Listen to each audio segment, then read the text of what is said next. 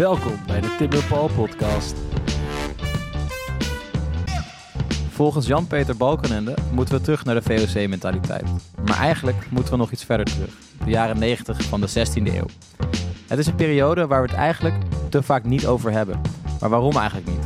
De VOC bestaat vanaf 1602, maar de Compagnie van Verre en Willem Barents probeerden al tien jaar eerder de weg naar Azië te vinden.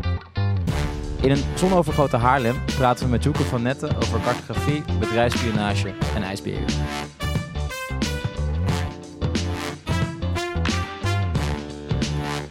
En ik heb dus een soort nieuwe theorie over kaartlezen in de vroegmoderne tijd. Maar dat, ik bedoel, een, een groot deel van mijn bronnen daarin was eh, reisverslagen uit de, jaar, uit de jaren Ja. 1590 en eh, een aantal anekdotes uit reisverslagen uit de jaren 1590. Ja, En, en een deel zijn zeemansgidsen ja. die misschien uit 1602 of 1608 komen. Maar dit, er, ja. eh, om en nabij, ja. Maar Ja. misschien even dan goed, nieuwe theorie, hè? altijd Ja. leuk. Maar wat was de oude theorie dan? Eigenlijk, er is geen nieuwe theorie. Het, eh, eigenlijk heeft er nog nooit iemand in de historische cartografie zich goed gekeken naar consumptie van kaarten. Het gaat allemaal over productie van kaarten. En Ja. misschien een klein beetje over disseminatie, wat is het woord? Verspreiding van kaarten. En over dat mensen ze aan de muur hangen en dat je schilderijen van Vermeer hebt waar kaarten op staan en welke kaart dat dan is. En misschien is er iets, of zeker is er iets over de verkoop van atlassen en wie die dingen dan koopt. En, maar niet hoe mensen kaarten lezen. Dat is echt de, de stap naar wat doe je dan? Ja, En dat komt volgens mij omdat historisch cartografen voornamelijk werken met oude kaarten. En het antwoord op deze vraag is niet te vinden, of deels niet te vinden, op de oude kaart, maar in andere bronnen. Ja. zoals? Zoals reisverslagen, waar het gaat over mensen die een kaart in hun handen hebben. Zoals afbeeldingen, schilderijen waar iemand staat met een kaart in de handen. Zoals ehm, pamfletten, prenten waarin mensen staan die iets doen met een kaart. Zoals brieven, geleerde brieven, waarin mensen zeggen dat ze een atlas hebben gekregen en daar nog iets over willen zeggen. Of die zeggen, hier stuur ik je een kaart en dan kan ik je later dit en dit er nog bij vertellen. Ja. En, en want in mijn idee eh, is inderdaad een kaart vooral decoratief. Of Een kaart van, bijvoorbeeld van Johan Blauw, die hang je aan de muur om te laten zien: Goh, ik heb geld om een blauw kaart of een blauw atlas te kunnen, eh, kunnen kopen. Maar dat zijn niet de, de kaarten die meegingen aan boord van een schip, bijvoorbeeld. En mijn theorie, of dat nou wel of geen theorie is, is dat Waarheid. alle, sowieso, alle tweede soorten kaarten, dus de eh, atlas van blauw in eh, twaalf delen in een speciaal kastje, of de, de wereldkaart aan de muur. En aan de andere kant de eventueel op perkament of op papier gedrukte kaarten of handschriftkaarten die meegaan op een schip. Dat al die soorten kaarten, het bedoeling is dat je die leest collectief en hardop. Aan groep, zeg maar. Ja. Oké. Dat- ja, hoe zou dat dan in de. Zeg maar, hoe doen we dat? We zijn, wij zijn op een scheepsraad. Ja, wij, wij- zijn, wij zijn eh, matroos eh, eerste, tweede klas, derde klas. En dan staan wij er en dan kom jij aan met een. En nu met moet ik dit vertellen zonder plaatjes. Ja, ja. Ehm, er, is echt, er is maar één ehm traktaatje uit 1602 met een titelpagina... waar op het dek mensen samen met een kaart wat staan te doen. Maar misschien ken je wel de blauw, ehm, blauwe zeemansgids. En daar zit een plaat voorop, eigenlijk binnenin... waar je allerlei mensen om een kaart heen zit. Die leren Ja. cartografie. En daar zie je dus ook, je ziet echt dat ze praten. En dat dat mensen uit verschillende lagen zijn. Je hebt mensen met een soort van bondmutsjes en je hebt mensen met hoeden. Ja. En dat zijn duidelijk twee soorten mensen die eigenlijk de gewone mensen, dit zijn gewone mensen op een schip, en de officiers, de hogere mensen. En die leren samen om met een kaart te gaan werken. En die moeten elkaar ook dingen vertellen. Dus als je het toch hebt over andere bronnen. In die zeemansgids zegt iemand als Blauw, iemand als Wagenaar in eh jaren 1580... ehm, denk erom dat je niet je kennis verstopt. En er zijn mensen, en dat zijn kennelijk hele slechte mensen, die naar bed gaan met hun kaarten en hun instrumenten. Ja. Of naar bed, naar hun hangmat, naar hun kooi, zegt hij. Die nemen hun kaarten mee in hun kooi. En dat is niet de bedoeling. Je moet aan de jongere mensen op het schip vertellen wat je weet en niet je kennis geheim houden. Dus dat laat al zien dat kaarten iets is waar je over moet praten. Ja. Maar is dat dan ook in, in dagboeken van ehm, bijvoorbeeld mensen die dan niet bij de officiersklasse behoren terug te vinden? Zo, goh, ik heb vandaag eh, dit geleerd over. Ehm, nee, niet ik heb dit geleerd, maar wel dat ze zeggen. eh, ze zeggen ten eerste altijd. We keken op de kaart en onze kaart. En we vonden de weg en we dachten dat we daar waren, maar in feite waren we daar. En er zijn bijvoorbeeld in journalen ook wel dat je kan lezen dat de kaart op tafel moet liggen. En dat ze aan een aantal mensen vragen van... en waar denk jij dat we zijn? En waar denk jij dat we zijn? En waar denk jij dat we zijn? Ja, Dus, en dat is mijn hele punt. Een kaart is iets waar je met z'n allen omheen moet staan en erover moet praten. En dat zie je op de, die eerste schipvaart die in 1595 uit Amsterdam gaat. Die heeft niet alleen kaarten bij zich om te navigeren, maar ook wereldkaarten. Want ze zeggen bijvoorbeeld in, nou ja, als ze in ruim een jaar onderweg zijn, komen ze in de Bantam. Op, in, op Java, in de haven van Bantam. En dan schrijft er dus een van die eh, mensen die mee is, Willem Lodewijk, een klerk die een eh, verslag schrijft. Er kwamen allerlei naties, dat zijn dan inheemse volken, aan boord. En ze gingen onze kaarten bekijken en ze waren zeer onder de indruk. En vooral toen ze begrepen hoe ver wij onderweg waren geweest. En later suggereert hij een beetje, ze waren net zo onder de indruk van andere eh, waren die we mee hebben, zoals eh, spiegeltjes. In- Letterlijk spiegeltjes en kraaltjes en wereldkaarten. Die ze is een klein verschil aan. Ja. Kennelijk dingen die ze gebruiken om de inheemse bevolking, mensen die aan boord komen, eh, indruk te maken. En dan varen ze een stukje verder. En dan komt dat schip bij Bali en er is een ander reisverslag van een ehm Arnold Lindgens heet die, die, die op een van die andere schepen zit. En die houdt alleen op Bali. Voor zover we weten hebben we daar een week of zo, heeft hij een dagboek bij. En dan schrijft hij over dat ze, ze hebben contact met een inheemse ehm, soort intermediair tussen de koning van Bali en die Nederlanders. Hij noemt het een kiloer. Dat is een soort een corruptieve term van een inheemse term. Hij maakt er iets raars Nederlands van. Geen idee wat het eigenlijk is. En ze laten die kiloer, laten ze dus wereldkaarten zien. En dan vraagt die kiloer van... eh, en ja, is jullie, eh, jullie land dan groter of kleiner dan China? En dan zegt Arnold Lindgens, ik zei groter natuurlijk. En toen eh, vroeg hij, waar is jullie land dan? En toen wees ik naar Nederland en de Duitse landen en Frankrijk en Noorwegen en eh, de helft van Moscovië. En dat noemde ik Holland. Ook Holland, hè? Dat is Ja. mooi provincialisme hier. geen. Ja. geen Nederland.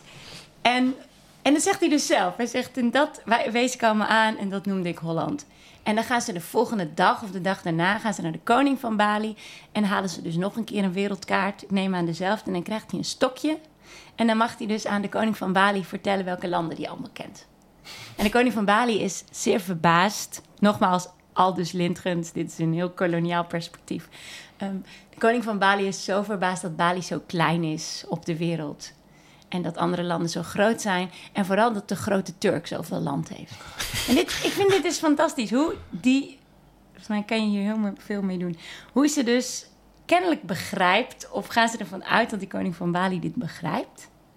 En dan praten ze dus hier over het Nederlandse wereldbeeld. Dit is echt een manier om wereldbeeld ook op te leggen. Ja. En om erover te praten, om te communiceren, maar ook om een soort van te overtuigen. ja, want wij zijn zo'n groot rijk land. Wij zijn zo'n fantastisch groot rijk land, het is enorm. En jullie het is groter dan heel- China. En, jullie zijn heel klein zijn, ja. En kijk hoe stoer wij zijn dat wij zo ver, zo'n lange afstand hebben afgelegd. En jullie varen alleen maar deze kleine stukjes. Ja. En, eh, Het is op zich ook best knap, toch? het is ook best ze knap. gevaren waren. Ja, klopt. Misschien wel een ander leuk bruggetje. Ik vind het wel heel, heel mooi hoe je, hoe je dat vertelt. Dat, dat iedereen dan aangeeft waar hij denkt dat hij is. Want het was nogal moeilijk, toch? Op dat moment om te En bepalen. helemaal precies weten ze dat ook niet. En, en dit is ook nog weer zo'n ander voorbeeld als we toch naar de jaren 1590 mogen. Ja, Dit Het is- mag. Ja. mag zeker. Mooi, Graag. jee. Ja. Ergens op een van de eerste reizen naar China via het Noordoosten, die Ja. niet verder komt dan Nova Zembla. Is dat de, de... De Nova Sembla? Dit was niet. Dan moet ik even kijken welk, welk voorbeeld ik ga vertellen. Ehm, het beste voorbeeld is de Nova Zembla reis. Ja. Die dus, eh, er wordt overwinterd op Nova Zembla. Dat verhaal kennen jullie. En dan gaan ze terug in een, eh, in een roeisloop. Mhm. En het is hartstikke koud. En ze willen heel graag weer met z'n allen naar huis. En dan komen ze ergens aan wat we nu de noordkust van Rusland noemen uh, Russen tegen. Tenminste, in, in het verslag staat er Russen. Ja. Wat voor mensen dit precies zijn, dat is een soort vrij generale term voor iedereen die daar woont. En komen ze Russen tegen. En ze denken dat ze één kaap al behoorlijk ver naar het uh, westen zijn. Dichter maar, bij huis dus. Dichter bij huis. Maar die Russen die beweren, nee, jullie zijn nog één kaap terug. Verder naar het oosten. En is een soort discussie die een tijdje duurt. En dan Met zegt die dus, Russen dus? Of, met die Russen. Ja. En dan zegt Gerrit de Veer, die dit opschrijft, zegt... En toen haalden we onze kaarten tevoorschijn. Die kennelijk de winter overleefd hebben, wat ik al interessant vond. En die Russen wijzen op die kaart aan waar ze zijn. En met die kaart geloven ze de Russen uiteindelijk. Dus eerst geloven ze de Russen niet. Ja. Maar kennelijk kunnen de Russen Europese, West-Europese kaart le- kaart, ja. lezen. En kunnen ze zich ehm, begrijpbaar, begrijpelijk maken met ja, want de ze kaart. hebben, ze hebben een discussie, er komen ze niet uit. Maar en op het moment dat de kaart op tafel komt, of op waar dan ook, eh, wordt het duidelijk. Het is een be- bewijsstuk. eh, ik vind het een nogal wonderlijk verhaal, inderdaad. Nee, er zijn er dus wel meer van, maar Ja? niet zoveel met de, Rus met de Russen is er nog zo'n verhaal. Ook echt Van- de Russen. ja. Ja, Russen, en dan wil ik altijd mijn een soort quotation maken doen met mijn vingers. Dat is super irritant dat je dat niet kan zien. bij deze hebben we het gezegd. De Russen staat tussen aanhalingstekens. Net als Nederlanders altijd Ja. tussen aanhalingstekens staat. Ehm, van één reis eerder, één poging eerder om via het Noordoosten naar China te komen, zijn ze ook ergens aan land. En dan gaan ze met de Russen eh, proberen ze duidelijk te maken waar ze zijn. En dan praten ze dus over die kaarten. En misschien een simpele of stomme vraag, maar in welke taal gebeurt dat dan? Ja, ik, dat weet ik niet. Maar in dit geval is er in ieder geval iemand aan boord die een of andere Slavische taal kan spreken. Dus dat, die noemen ze ook af en toe dus de sklavon. Dus eh, de slaaf in de eh, letterlijke betekenis van het woord. Ja. Ehm, als in dat hij uit ergens Slavië, Ja. Slavonië komt. En die kan een of andere taal, die, die treedt op als tolk. Oké. Die wordt ook wel een keer tolk genoemd, dus dat bestaat. Oké. Dus ik is, denk is, dat, dat- is dat gewoon een stom toeval of was dat bewust? Nee, van dat was de- bewust. bewust- er was bewust iemand mee die een taal kon die ze daar eh, in het hoge noorden spraken. Ja. En ze hadden niemand mee die Chinees kon, want dat konden ze zelf niet. Maar wel mensen met ervaring met Portugezen. ja. En die zitten in China en dan in de hoop dat mensen daar Portugees spraken. Maar hoe ze, hoe ze spraken, dat vraag ik me ook altijd Ja, af. dat is wel interessant. Als we het toch over Portugees hebben, want tegelijkertijd met ehm, de, de reis of de, de mislukte expeditie via het Noordoosten gaat er een andere expeditie richting Azië. Ja, Ongeveer, ongeveer dezelfde periode hebben we het dan over. Ongeveer, we hebben het over het midden van de jaren 1590. En er gaan een aantal reizen naar China. Ja.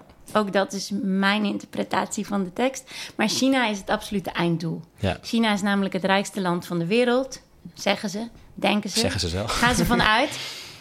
China is een soort on- ontdekking van de Nederlanders, op papier tenminste, een ontdekking. Ik bedoel, het lag er al en de Portugezen wisten het al. lag er al Dat een was al een tijdje. en ze hebben vrij veel geschiedenis daar ook. Maar het heette eerst niet zozeer China. En het was niet een land. En het had niet een volk en het was geen koninkrijk. En nu opeens in de jaren 1580 in atlassen, op kaarten en in textuele bronnen wordt China een koninkrijk een, met een, een natie, met een koning en witte mensen. Kijk, Interessant. ja. Vooral aan de kust wonen er witte mensen zoals wij. Nou ja, wat betreft hun huidskleur dan. Er wordt nog een soort van heidens eh, sausje. Het zijn natuurlijk wel heidenen en ze eten hond en dat is heel raar. Ehm, en ze aanbidden duivels en dat is ook raar. Maar ze zijn wel beschaafd en ze zijn zijn- heel rijk. Dus dit moet het einddoel van de reis uiteindelijk zijn. En, En- sommige van die reizen komen dan niet verder dan Nova Zembla. En andere van die reizen komen niet verder dan Java. Ja. Maar hoe wordt dat ontdekt dan? Want er is iemand geweest dan? Of Er zijn al lang Portugezen? Oh, ja. er zijn al lang Portugezen geweest.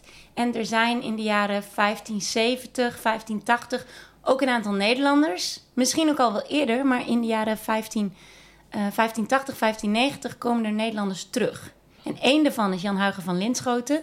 Die vrij lang in Portugese dienst in Goa in India heeft gezeten. En een ander is ehm, Dirk Pomp. Allebei uit Enkhuizen. En die hebben in Portugese dienst gewerkt en die komen terug en die schrijven dingen op. Of die worden interviews afgenomen als ze niet zelf kunnen schrijven. Tenminste, dat suggereert het. Ik had het net over zeemansgidsen van Wagenaar. Nou, aan het, in een van Wagenaars edities, 1592 uit mijn hoofd, zit achterin het eerste stuk zit een soort ehm, uit de mond van eh, Dirk Gerrits Pomp. En Dirk Gerrits Pomp heeft dus in Portugese dienst gewerkt. En uit zijn mond wordt dan iets opgeschreven over China. Dirk Gerrits Pomp, die komt dus uit Enkhuizen en die gaat uiteindelijk weer terug naar Enkhuizen. En die raakt daar in contact met kaartenmakers Mhm. en eh zeemansgids, schrijvers en uitgevers. En zo komt dus informatie uit China, die kennelijk eerder, misschien was die er wel, weten wij veel wie er allemaal nog in China is geweest. Maar van deze mensen weten we dat ze er geweest zijn, ja. omdat iemand anders het heeft opgeschreven en gedrukt. Omdat er op dat moment een combinatie zit van.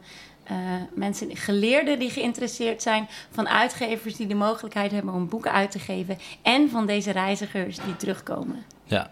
En zo is er ook in op dat moment 1585 ook weer iemand uit eh Horen, maar ook weer bevriend met die mensen uit Enkhuizen, die het verhaal van Mendoza, dat is een Spanjaard, een geschiedenis van China of een boek over China vertaalt naar het Nederlands. Kijk. En zo komt er, en zo is ook de tijd, denk ik, dat atlassen uit de zuidelijke Nederlanden, kaartenmakers uit de zuidelijke Nederlanden, uit Antwerpen naar Amsterdam komen Ja. met informatie. En dat samen maakt, denk ik, van, van China een soort eh, ideaal iets om naartoe Ja. te gaan. Maar dit- wat je net, op, daar wil ik even op, op terugkomen, wat laatste. Eh, want dit is wel een periode waarin, laten we zeggen, er redelijk wat geknokt wordt. Tussen de Nederlanders en de Spanjaarden en ook de Portugezen. Dat maakt het alleen maar makkelijker, want rond die tijd wordt ook de Spaanse koning ook de koning van Portugal. Ja, Dus Nederland was eerst nog met Portugal aan het handelen. Maar opeens mag van de Spaanse koning, eh, Philips II op dat moment... mag er geen handel tussen Nederland en Portugal. Mogen de Portugezen niet meer met de ja Nederlanders we even, handelen. terug te komen, want Van, eh, van Linschoten die zat in Goa in Portugese dienst. Maar Ja. dat kon toen nog wel, want Portugal was nog niet de vijand van... Nou ja, hij had natuurlijk ook best in Spaanse dienst kunnen zitten als, eh, als Nederlander. Maar dat was op dat moment niet de vijand. Ja. En, maar het was, daarvoor was het wel een stuk logischer om voor sommige Nederlanders naar Spanje of Portugal te gaan... om daar de handel te leren. Ja, En op het moment dat hij terugkwam, waren ze pas echt vol in oorlog. Of realiseerde hij zich, hij ging weg, was in het begin van de jaren 70, ja 1570. dus dan is het nog net... eh, was een, een andere tijd en goed katholiek. En hij komt terug in een Enkhuizen dat protestants is. Dus Toch hij een is, beetje veranderd is allemaal daar, ja. is hetzelfde. dus dat is nog wel een er discussie. wat minder Jezusbeelden op straat. Ja. ja, en in de kerk In de vooral. kerk, ja. ja. En dat is nog wel een discussiepunt. In hoeverre hij nou onder druk is gezet... of dat hij zichzelf een soort... eh, ergens in India zich al heeft gerealiseerd... wat zijn die Portugezen eigenlijk een vreselijke mensen...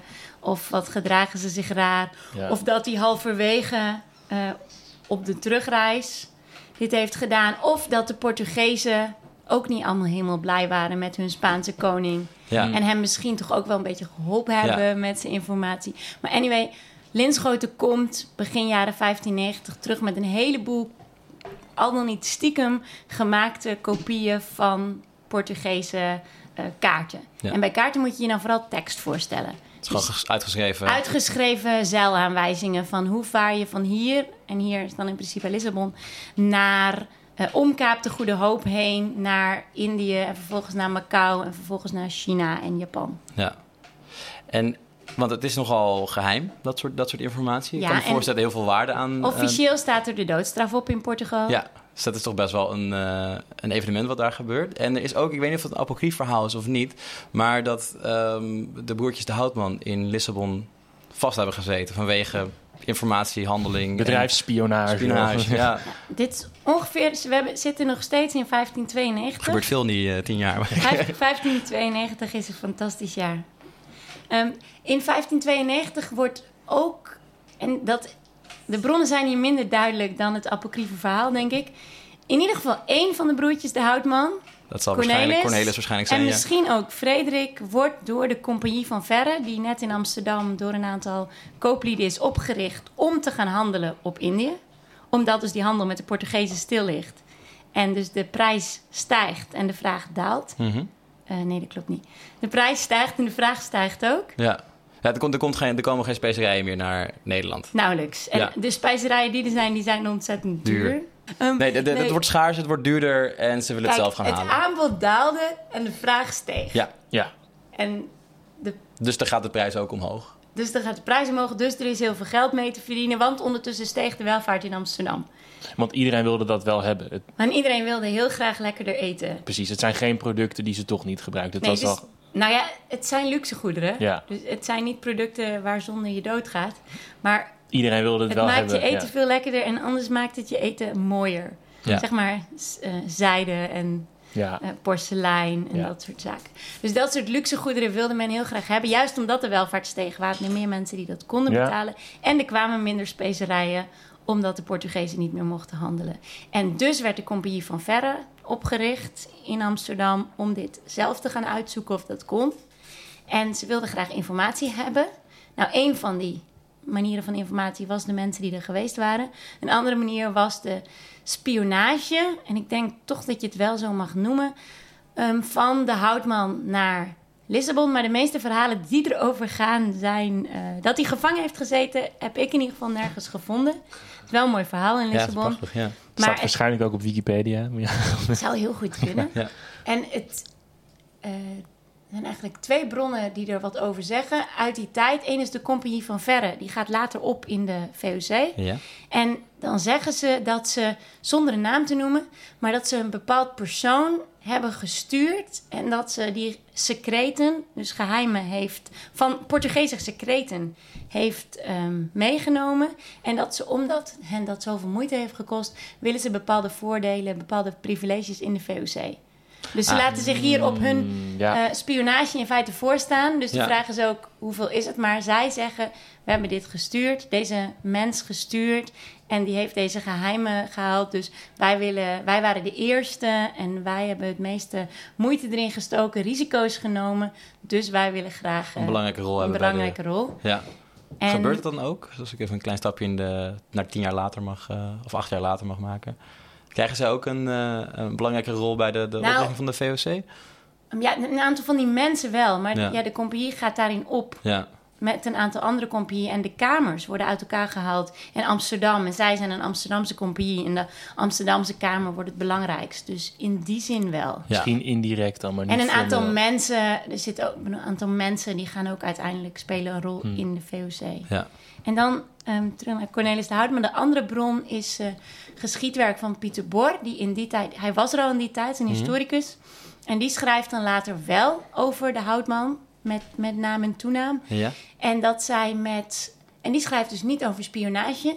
In het Engels doe ik hem eens als van this was not spying but buying. Ah, Want ja. hij zegt met kosten, moeite en maaltijden ehm, hebben wij hadden ze bepaalde kennis opgehaald. Ja. Maar dat suggereert heel duidelijk dat ze kennis gekocht hebben. ja. En vlak daarna is er ook eh, Petrus Plantius. Die is zowel dominee als geograaf en heel belangrijk in dit hele verhaal. Die koopt ook kaarten van Bartolomé de Lasso, wat ook weer een Portugese kaartenmaker in Spaanse dienst is. Eigenlijk de, van de Spaanse koning. ja. En kennelijk is ook die Spaanse eh, geheimhouding een stuk minder sterk. Dit is Ja. niet alleen maar dat die Nederlanders zo super slim zijn in spionage. Dit, is ook, dit ligt veel meer aan de Spaanse kant, waar misschien denken ze dat het niet zo interessant is om het geheim te houden, want iedereen weet het eigenlijk toch al. Ja, China ligt daar. Ja, want het is Ja. wel oorlog, toch? Hadden we net En besproken. het is wel oorlog. Dus, maar dan is, Ja, dat was is, al. ja, maar is het dan niet juist, besluit. helemaal niet juist gek dat dan die informatie zo vrijelijk naar Nederland, naar de Ja, Nederlanden dat is gaat? wel gek. Maar dat zegt dus volgens mij vooral iets over het Spaanse klimaat, waarin die geheimhouding minder interessant is. Of dat, En- min- dat ze minder eh, effectief zijn in het afstraffen van dit soort gedrag, misschien? Dat het, het Spaanse overheidsapparaat, ja, we hebben andere dingen te... Dat zou kunnen. Klein maar stukje imperial, imperial overstretch op dat Ja. moment toch ook, of niet? Ja, je kan ook. Je kan twee, als je al heel veel macht hebt, kan je op twee manieren werken. Je kan proberen dingen geheim te houden. Je kan ook je macht laten zien door te laten zien wat je allemaal hebt. De Europese vorsten willen niet alleen hun kennis geheim houden, willen ook hun kennis tonen. Ja, Willen ook niet alleen geheim houden wat ze hebben in het eh, Hmm. Verre Oosten en het Verre Westen, maar ook laten zien dat ze dat hebben. ja. Ja. En misschien hadden ze hebben ook geld nodig.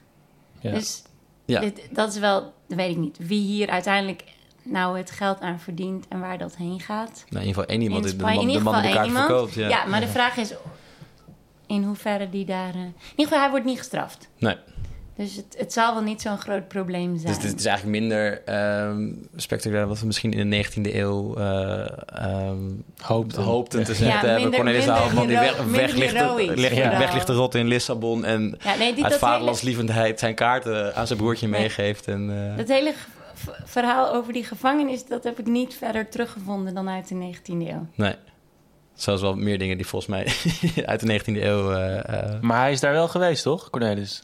En hij is er hoogstwaarschijnlijk wel geweest. Oké. En in ieder geval hebben ze vervolgens op dat schip... dat in 1595 uit Amsterdam vertrekt, of schepen... hebben ze Portugese kaarten. Ja. Want ze verwijzen af en toe naar hun kaarten, ook soms als naar Portugese kaarten. En ze hebben eh, de tekst van Van Linschoten, mhm. die dan nog niet gedrukt is. Dat is ook op zich, als je het over geheimhouding hebt, best slim.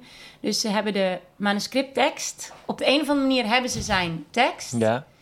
Maar vervolgens wordt die pas gedrukt in Amsterdam als die schepen net weg zijn. Wauw. Ja. En daarin, veel meer, daarin zit ook wel informatie die de Portugezen liever niet hadden gedeeld. Maar ze weten dat pas, het komt pas in druk uit, eh, Als het te als laat ze is. al weg zijn. Ja. Dus die Portugezen komen er pas achter als dat al in gedrukte vorm van Amsterdam naar Lissabon is, als die schepen al eh, voldoende weg zijn. Ja.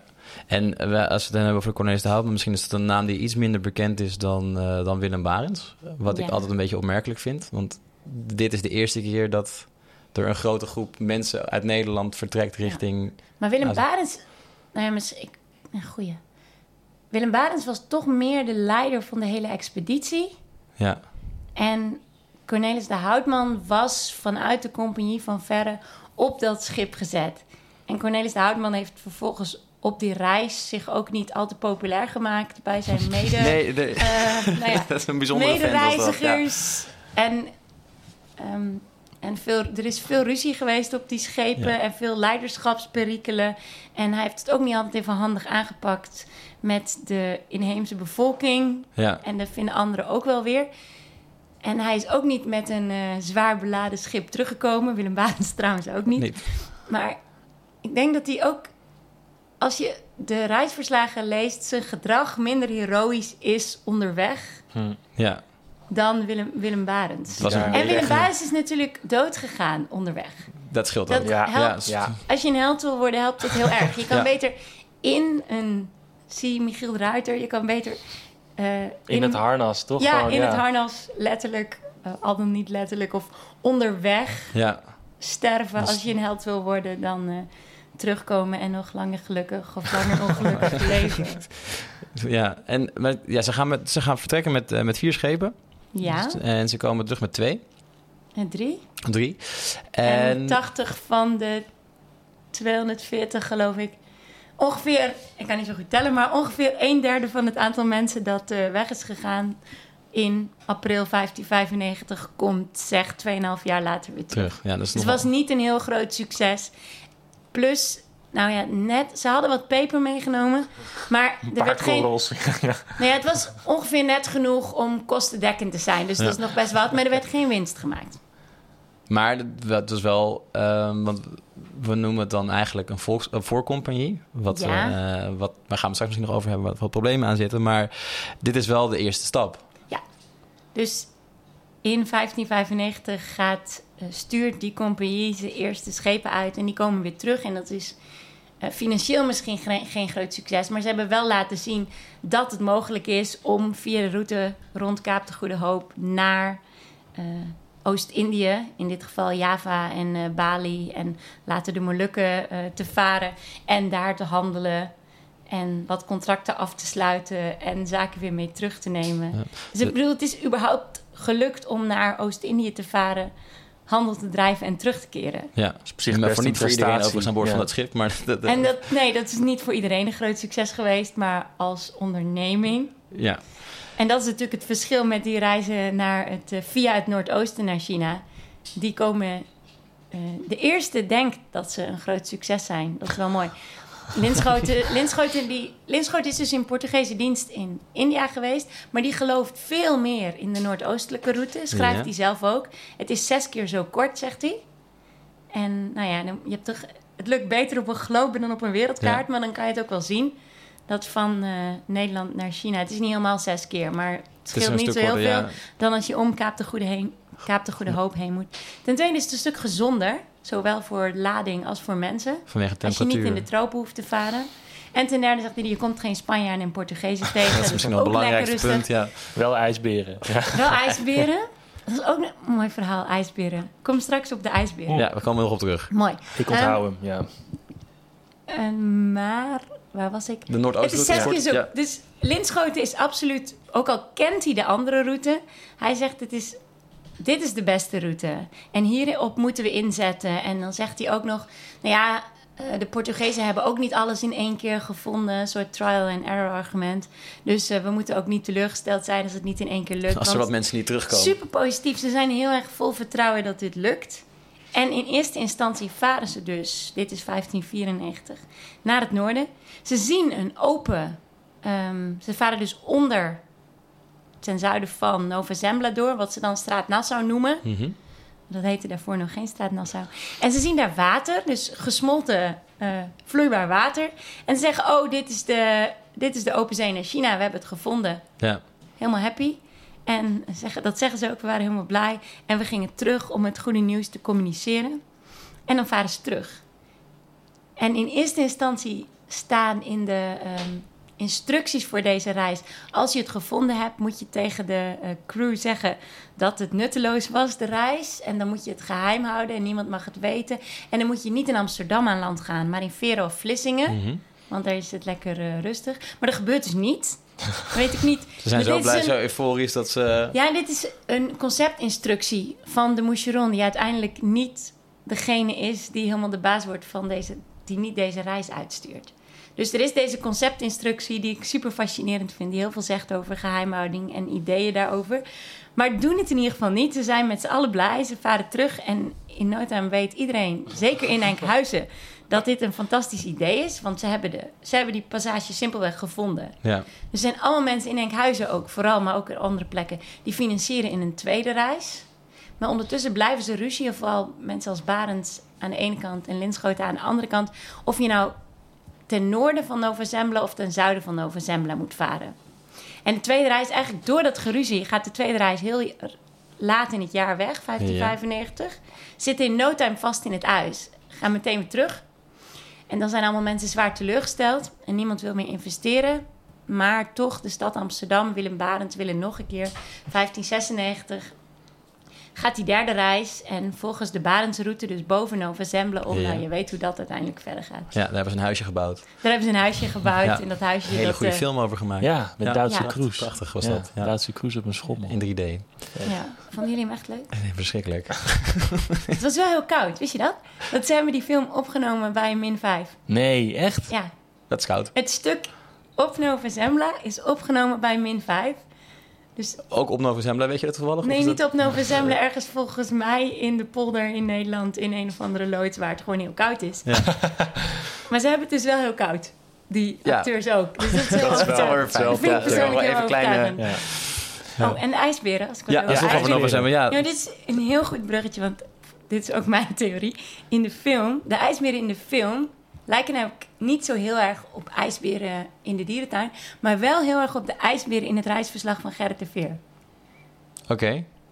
Ja, ik weet niet of dat toen. Dus wat, ja, ik snap het. eh, Dus Maar de ijsberen in de film, die Ja. zijn gewoon niet zo heel goed gemaakt. Het is een beetje Maar- een budgetfilm. Maar ze lijken best wel op de plaatjes van het 16e Oh. eeuwse reisverslag. Dus dat is wel kicken.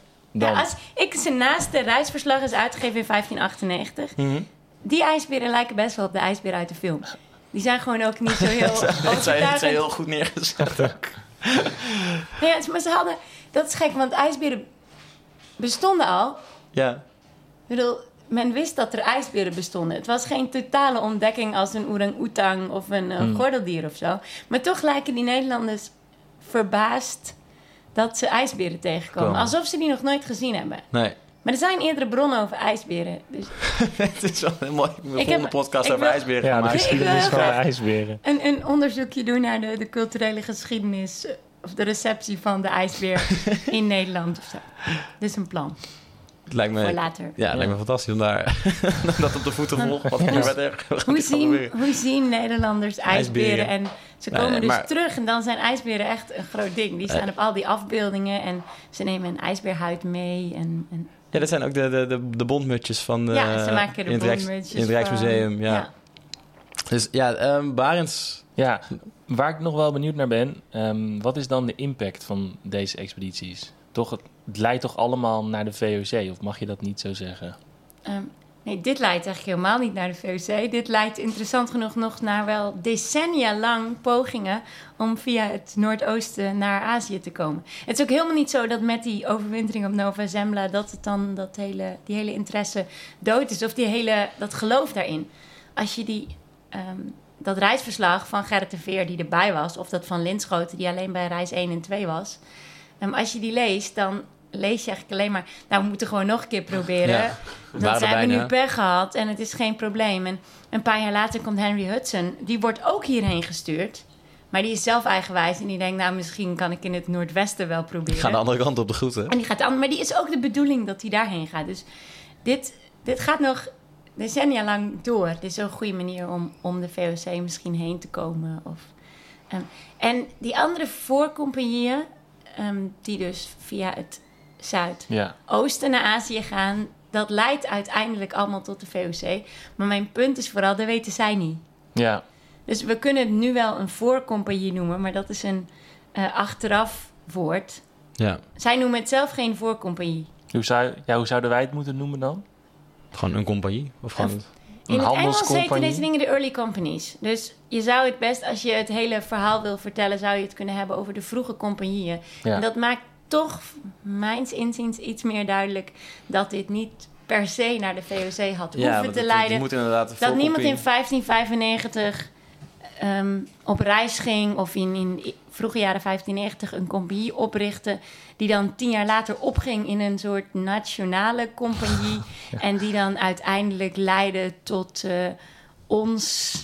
en Ons grote verleden. Ons- Ja, ons, hier moeten de aanhalingstekens ook Nee, heel veel aanhalingstekens Ehm, komen hier aan. voor, Ja.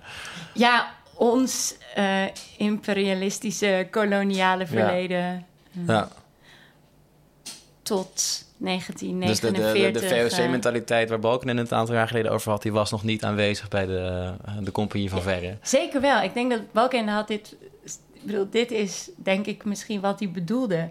Het eh, vreemde... Het reizen doen... Nieuwe ondernemingen, dus, ja. nieuwe ondernemingen opstarten, risico's nemen, eh, niet bang zijn, eh, nieuwe, nieuwe handelswegen opzetten. Ja. Dus in die zin, als je toch eh, achteraf wil plakken, dan is dit absoluut Balkenende's VOC-mentaliteit. Ja. het enige, of het enige, hm. Eén van de dingen. Het andere, de andere kant van de medaille eh, die daarbij niet genoemd wordt, is alle ellende die dit eh, voor een heleboel andere mensen Wij heeft noemen Pieter opgeleverd. van Koen en Banda. Ja. dus bijvoorbeeld. ja. Bedoel, zowel mensen daar in de Oost of in de West, als ook natuurlijk voor de Nederlandse matrozen. eh. Ja, aan boord van die schepen natuurlijk. Bijvoorbeeld. Ja. Ja. En een heleboel mensen voor wie de VOC niet zo heel leuk was om het heel, heel, heel voorzichtig uit te drukken. Ja. Ja. Ehm, ja, goed. Ja. Nu we het toch genoemd hebben, Ja. eh, we hebben het nu een tijdje gehad over 1595, Ja. 1596. En iedereen weet 1602, VOC. Er zit nog Ja. een stukje tijd tussen. Gaan er dan nog andere reizen die kant Ja. op? Er gaan nog, ehm, ik weet niet, ik kan niet tellen, maar er gaan volgens mij nog een stuk, een dozijn, zeg. Eh, andere verschillen. Er worden compagnieën opgericht en er gaan floten uit. Dus sommige compagnieën sturen één of meer floten. En floten bestaan altijd uit meerdere schepen. Ehm, dus er gaan in ieder geval nog meerdere floten elk jaar na 1597. Dus 1598, 99, 1600 gaan er nog verschillende floten naar de oost. En er gaan ook ondertussen gaan er nog floten via het zuidwesten naar de oost. Dus dat is Nieuwe via poging. Zuid-Amerika. Ja, Ja. als je op de kaart kijkt, kun je natuurlijk vanaf Nederland op vier manieren eh, naar China. Ja. En we hadden er in ieder geval al twee geprobeerd. En Henry Hudson, maar dat is iets later. Dan ben je verder in de 17e eeuw. Die probeert dan het eh, noordwesten. Maar zuidwesten kan ook. Ja. door de straat van Magellaan. En dat een lukt stukje ook. verder. Dat is verder, maar dat is op de kaart niet zo heel veel. Nou, dat valt eigenlijk best wel mee hoeveel verder dat is. Het is alleen heel moeilijk om door de straat van Magellaan heen te varen. gevaarlijk toch ook? En gevaarlijk. En het duurt heel lang. En het is lastig met de wind. En je moet... eh, het is heel moeilijk zeilen. En dit is dus ook nog voor eh, de Kaap Hoorn... en de route om Vuurland heen ontdekt is. Dat gebeurt pas 1615. Mhm. Ook door Nederlandse schepen. Maar ze moeten gaan dus door die straat van Magellaan. Maar dat, er zijn ook schepen die dat lukt. En bijvoorbeeld zo komt het eerste Nederlandse schip op Japan.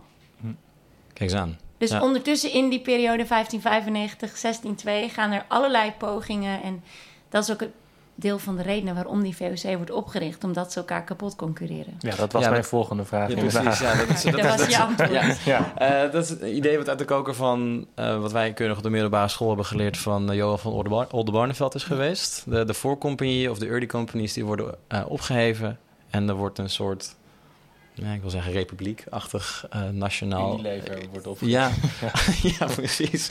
Ehm, dat is een beetje de gedachtegang. Van, anders zitten we daar met allerlei... eh, één compagnie uit Enkhuizen, eentje uit Hoorn, eentje uit Amsterdam. En dat, dat nou heeft geen zin. een paar uit Amsterdam Ja. en dan nog wat uit eh, Middelburg en andere Zeeuwse steden. Vergeet de Zeeuw niet. Ehm, ja, en nou, die concurreren elkaar kapot en er is lastig controle op te houden. Dus uiteindelijk worden ze verplicht van bovenaf, waar de meeste compagnieën niet blij mee zijn, in één verenigde Oost-Indische compagnie. Vandaar de V. Verklaart de V van VOC, ja. Ja. Right. En dan gaan we het hebben over de VOC, maar dat is denk ik een totaal een ander verhaal wat ongeveer 200 jaar duurt met Ja. allerlei eh, eh, haken en ogen aan. Maar ehm, om het een hele flauwe, flauwe vraag misschien te stellen daarbij. ehm, is dit het begin van wat wij later een Gouden Eeuw gaan noemen? Ehm, ja, als je het graag later een gouden eeuw wilt noemen, is dit een begin. Ja. Als ik hem heel voorzichtig zeg. Heel er zijn genuanceerd. meerdere, ja. ja, heel goed. Ja. Nee, ja, de historici. Ja. Dat is, je kan, de, veel- je kan de gouden eeuw, als je die term al wil gebruiken, kan je hem op verschillende momenten laten beginnen.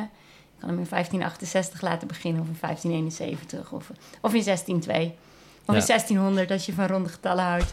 Ehm, en als je die term wil gebruiken, en die wordt nog steeds een heleboel gebruikt, dan is achteraf gezien de oprichting van de VOC en de handel met de Oost, eh, die het nodig oplevert, eh, daar, draagt daarin bij. Ja. En aan de andere kant moet je dat ook niet overdrijven, want is wat het aan geld heeft opgeleverd, gewoon aan puur geld, als je het vergelijkt met de handel bijvoorbeeld met de Oostzee. eh, is het de, de haringen en de graanhandel. Ja, En, ja. is het niet zoveel. En past, maar ik weet niet of het waar is, maar dat heb ik ooit gehoord, dat alle, eh, alles wat ooit uit Indië is gehaald aan handel op eh, één modern containerschip Ja. past of zo. 200, 200 jaar VOC-geschiedenis in, of Dat één avond in Rotterdam. Dat is wel een eh, beetje pijnlijk eh, voor al die mensen. Ja. Maar ja, het, het gaat natuurlijk veel meer over het beeld. En Ja. het, het levert qua, wat het qua kilo oplevert. Ja. Ik bedoel niet in Ja, ja. absolute getallen, maar eh, dingen als 200, 300 procent winst. Op vier peperkorrels. Ja. die je kan maken. En wat een kilo peper is niet te vergelijken met een kilo Nee. haring. Dus het is ook het, het beeld wat ontstaat en het, eh, de kennis ja. Ja. die het meebrengt, de nieuwe kennis die het meebrengt, de veranderingen in consumptiecultuur. Maar dat zijn, is toch eigenlijk al begonnen met dan juist die voorcompagnie? Jazeker, ja, Toch, tuurlijk. dus dat moet- begint dan al. Maar En- moeten we daar dan niet het begin van, van, van de Gouden Eeuw zien? Juist dat ontdekken, juist Ja. het op zoek naar nieuwe dingen. en dan zou je hem eigenlijk dus nog voor 1595 moeten leggen, maar met de voorbereidingen daarvan. Ja. Mensen het interessant zijn die nee, ergens in de jaren 1580, misschien 1592 beginnen met het, het oprichten van deze compagnie, met het terugkomen van mensen. ja. Dus eigenlijk begint alles En bij zo Jan kan Huigen je, van ja, Linschoten. zo, zo kan Ja. je ook doorgaan met, met het, het zoeken van waar iets Tuurlijk. begint. Het begint de. Gouden Eeuw straks in de 12e eeuw. Ja. En vind ik het belangrijk ook vooral... Van Amstel. Nee, ik wil wel benadrukken dat, dat zij dat niet zo hebben gezien. Nee, tuurlijk. Kom, we gaan de Gouden Eeuw eh, oprichten of Goed zo. idee, laten we dat doen. beginnen. Ja, top. Nee, maar, maar, Of een Nederlands koloniaal overzees rijk of Ja. zo. nee, maar je ziet wel dat, dat mensen toch op zoek zijn naar nieuwe dingen. Ze zijn, Ja. weet je, ze gaan op pad. Ze willen dingen ontdekken. Ze zijn met die kaarten bezig. Er is wel een soort van... Ja, ze willen vooral geld verdienen. Ja, en maar er dat- zijn ook mensen die meegaan om avontuur. Ja, En maar ik denk dat de meeste mensen die met de VOC meegaan willen of geld verdienen, ehm, of zien dit als. Um, omdat hebben geen al- andere alternatief. Ik bedoel, de meeste VOC-matrozen die gaan mee omdat ze anders geen eten hebben. Ja, dus de Geen keuze, bed. de keuze is heel simpel. Ja, Ja. Of je sterft in de winter in Amsterdam of Ja. misschien in de tropen ergens. ja. En misschien kan je nog wat geld Ja, verdienen en overleef je het. Ja, kijk, en misschien ook uit een soort risicoanalyse als ze die al doen. Als je het overleeft, dan kom je er meestal beter vanaf. ja. Ja. Dus als je, het is een stuk makkelijker, sociale mobiliteit is makkelijker op een VOC-schip of via een VOC-schip. De meeste mensen die meerdere reizen maken, zeker meer dan twee, die komen in een hogere positie Ja. terecht. Nee, dat is makkelijker op een VOC-schip dan als je in Amsterdam in die desbetreffende goten blijft Ja. wonen. ja. Die grote die Dus- wij al goed kennen, Tim. is er Als iemand... je het eh, ja. overleeft, dan Zijn er, eh, ben jij in jouw ehm, eh, onderzoek in, in, in, in een bron ergens eh, de, de woorden... goh, we leven in een gouden eeuw eh, tegengekomen? Of is dat Niet echt... uit die vroege tijd, maar Nee. er zijn ja, later uit de 17e eeuw wel, is er wel wat van. Ik weet niet gouden eeuw, maar wel een soort van gouden tijdperk. Ja, van we En hebben het dat goed nu met z'n allen. Dat het heel goed gaat. Ja, Maar heel, niet, heel, niet helemaal letterlijk. nee. Maar er is wel een idee van dat het nu, een, nu dus eh, t- tweede helft 17e Toen, eeuw, ja. ja, een, een gouden tijdperk aan de hand is. Ja. Het is niet helemaal uit de lucht gegrepen. En behalve dan voor die mensen die aan de scheurbuik zitten aan boord van hun... eh, Ja, maar die kunnen niet schrijven, dus dat lezen wij niet. dat is toch een fijne van bronnenkritiek, ja. Lezen zij veel. Ja. Ja. Ja. Ehm, hebben wij nog een eh, afsluitende vraag, Tim? Nee, eigenlijk niet. Eigenlijk Ja, niet. misschien, ja, wie eh, van, van al deze personen dan... Er zijn een aantal namen ehm, genoemd. hè. van Linschoten was er een van, Pomp, eh, de Houtman, Barends. Ehm, voor wie van deze mensen denk jij... Goh, dit is echt de schakel geweest? Of het is gewoon allemaal de samenvatting... of de, de, de combinatie van al deze heren bij Als er elkaar? dan weer een VOC-standbeeld weggaat, dan zou deze man Petrus daar... Plantjes moet erbij. Ja. Of wie, wie past in ons hoofd in de kanon? Goeie vraag. Ik denk dat we Dirk Pomp niet genoeg. Ik heb nog nooit van deze man bekend- Ik heb gehoord. ook nog Hij nooit, was dus eh, de eerste Nederlander in China. En hij, in tegenstelling tot Linschoten, die schrijft over Chinezen terwijl die in eh, Goa zat, in Mhm. India, is eh, Pomp is de eerste eh, Nederlander, voor eerste gerapporteerde Nederlander in China. Ja, Dus dat is- en later ondertekent hij ook documenten met ehm, Dirk China. Dus hij en ook officiële dingen. Dus dit is dit is een self-fashioning. Dus het is niet alleen een bijnaam. Het lijkt ook dat mensen hem zo noemen, maar Ja. het is ook echt self-fashioning dat hij zich Dirk China noemt. hij Dat wist, want ik heb een unieke positie, ik heb iets geks gedaan. Dat hij ik heb zich iets- erop laat voorstellen. En Ja. later gaat hij trouwens met een, een andere reis richting Zuid-Amerika. Wordt daar gevangen genomen door de Spanjaarden. En daar zijn nog weer eh, verslagen van, van zijn interviews. In het Spaans of in het Nederlands? In het Spaans, Ja. maar volgens mij deels intussen ook vertaald. Cool. Maar, maar wat is dan de impact van deze meneer Pomp? Ehm, dus zijn impact is dat hij eh, met positieve verhalen terugkomt. Ja. dat hij als het eerste gedrukte stuk. eh, nou, ik weet niet of dat het allereerste is. Een Eén- van de. ja. in een dus Nederlands werk. Eh, oorspronkelijk Nederlands werk, dat van Wagenaar, zit er dus een stuk van Linschoten die zegt, of eh, van Pomp, sorry, die zegt over hoe geweldig eh, China is. ja, en dat is dus een incentive om later... te Denk gaan- ik, ja. En dat hebben ze geweten daar. Ja, ja. arme mensen. Ja. Alright. Ja, dankjewel. Vond je dit nou een interessant verhaal? Abonneer je op onze podcast, volg onze Instagram voor updates en we zouden het heel leuk vinden als je over ons vertelt aan je vrienden. Groetjes thuis.